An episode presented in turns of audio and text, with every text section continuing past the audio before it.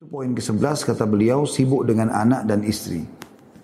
Dan teman-teman sekalian sibuk dengan mereka adalah hal yang baik, boleh saja. Kita sibuk penuhi kebutuhan mereka, iya.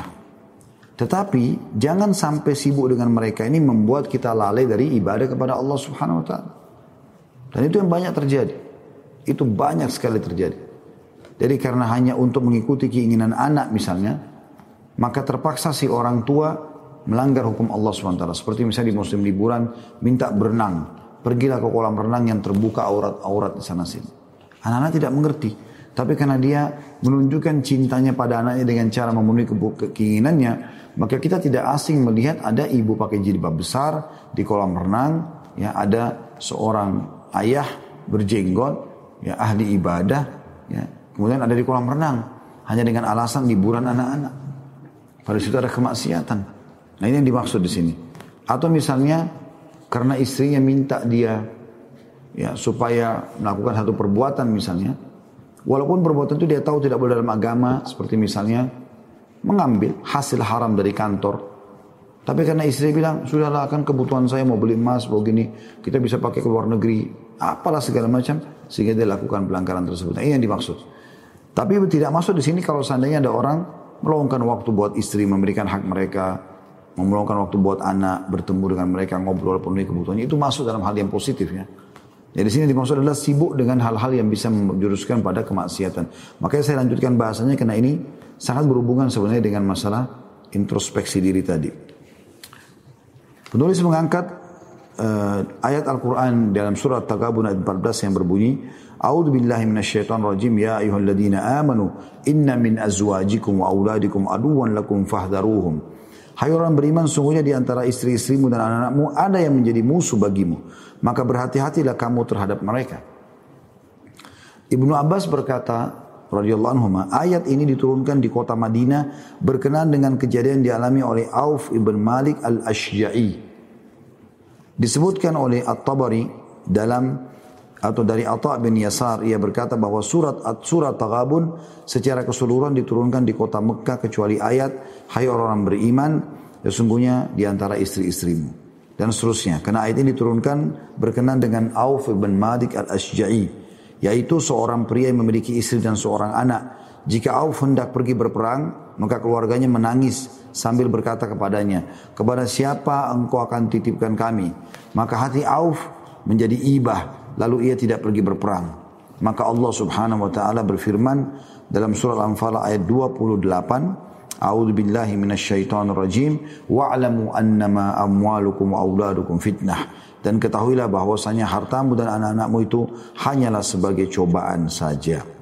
Ya ini diambil dari tafsir Jami' di Ahkamul Quran, tafsir Qurtubi di jilid 18. Jadi teman-teman ada sebagian salafus saleh itu dia panggil istrinya untuk sholat. Tapi kalau istrinya tidak bangun sholat malam, dia pun pergi sholat. Ya, dia sholat. Dia tidak mau terlalai dengan istrinya tidur yang tidak mau ikut ibadah. Karena di antara mereka itu sampai sekian tahun sholat malam istrinya nggak tahu kalau dia sholat malam untuk menjaga supaya keikhlasan dia ada gitu. Satu malam istrinya merasa terbangun lalu dia tidak ada suaminya atau suaminya lagi sholat. Dia penasaran mau tahu apakah suaminya kerjakan tiap malam atau tidak. Dalam beberapa hari terus dia kerjakan, dia pura-pura tidur, terus suaminya bangun sholat. Dan setiap malam begitu, dari malam suntuk sampai pagi. Maka setelah beberapa hari berlalu, dia mengatakan, wahai suamiku, aku berapa malam ini memastikan melihat kamu tidak pernah tidur malam hari. Cuma tidur berapa saat, berapa menit kalau kita sekarang. Lalu bangun sholat malam. Ya, tidakkah kau kesian pada dirimu sendiri? Apa jawaban dia? Istirahat tidurlah. Sesungguhnya apa yang aku lakukan ini untuk kebaikanku dan kebaikanmu juga. Artinya kalau aku nanti selamat di akhirat, kau pun akan ikut selamat. Ya. Jadi mereka bukan malah terpengaruh dengan pasangannya yang membuat dia lemah dalam beribadah. Ibnu Kathir berkata tentang Al-Anfal ayat 28 tadi, dan ketahuilah bahwasanya hartamu dan anak-anakmu itu hanyalah sebagai cobaan, Maksudnya adalah sebagai ujian dan cobaan dari Allah SWT kepadamu. Maka jika Allah memberikan semua itu kepadamu adalah agar Allah mengetahui apakah kamu bersyukur kepada Allah ataukah kamu sibuk dengan mereka dan rela dengan tawaran mereka daripada perintah Allah. Tafsir Ibnu Kathir jadi dua tentunya. Ini sebagaimana saya bilang tadi contoh-contohnya. Karena banyak laki-laki korupsi, ya mencuri, menipu, melakukan perbuatan-perbuatan haram justru karena tekanan istrinya. Justru karena desakan anaknya, itu kan kebutuhan mereka.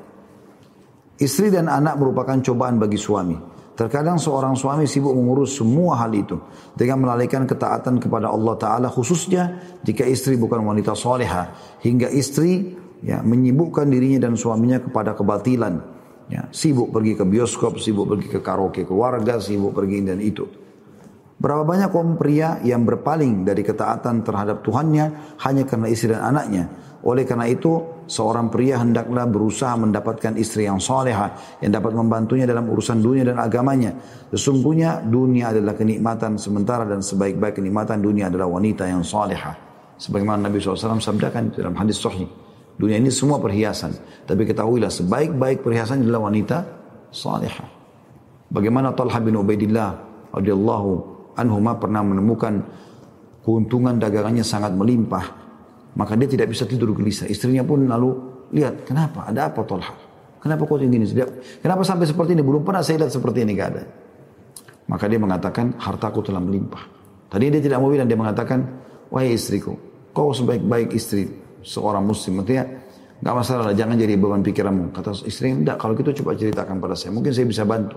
Kata dia, harta sudah makin banyak di, di, di, di, di apa di gudang saya lagi banyak hartanya saya takut nanti Allah hisapin. Lalu kata istrinya apa yang soleh untuk apa jadi beban pikiran? Bagi-bagiin aja supaya nggak ada beban. Sedekahkan. Jadi bukan malah dia bilang kalau gitu berikan kepada saya. Saya beri kebutuhan saya. Enggak maka dia pun sama istrinya semalam suntuk gak tidur bungkusin uang-uang itu dibagikan kepada fakir miskin malam itu. Tidak tiba subuh hari kecuali sudah habis semuanya. Pria yang lurus mengetahui bagaimana mendidik istri dan anak-anaknya dengan pendidikan yang baik yang dapat membahagiakan hatinya. Akan tetapi tidak sedikit kaum pria yang tidak mengetahui bagaimana pendidikan yang baik dan bahkan mengabaikan hal itu.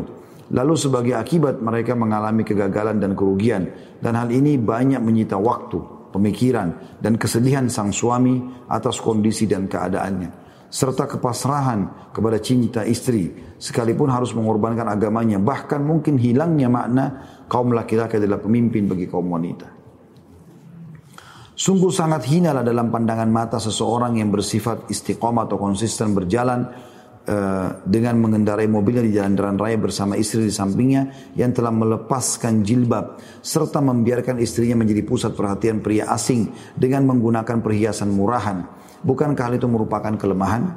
Tanda tanya. Ketahuilah bahwa yang demikian itu adalah fitnah dan kelemahan. Dan tidak diragukan lagi bahwa hal itu memberikan dampak buruk terhadap sikap konsistensi seseorang. Karena hal semacam itu bertentangan dengan keistiqomahan yang hendak ia jalani.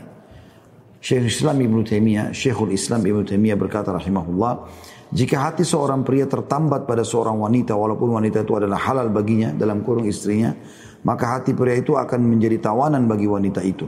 Saat itu wanita menguasai diri suami dan dapat berbuat sekehendaknya.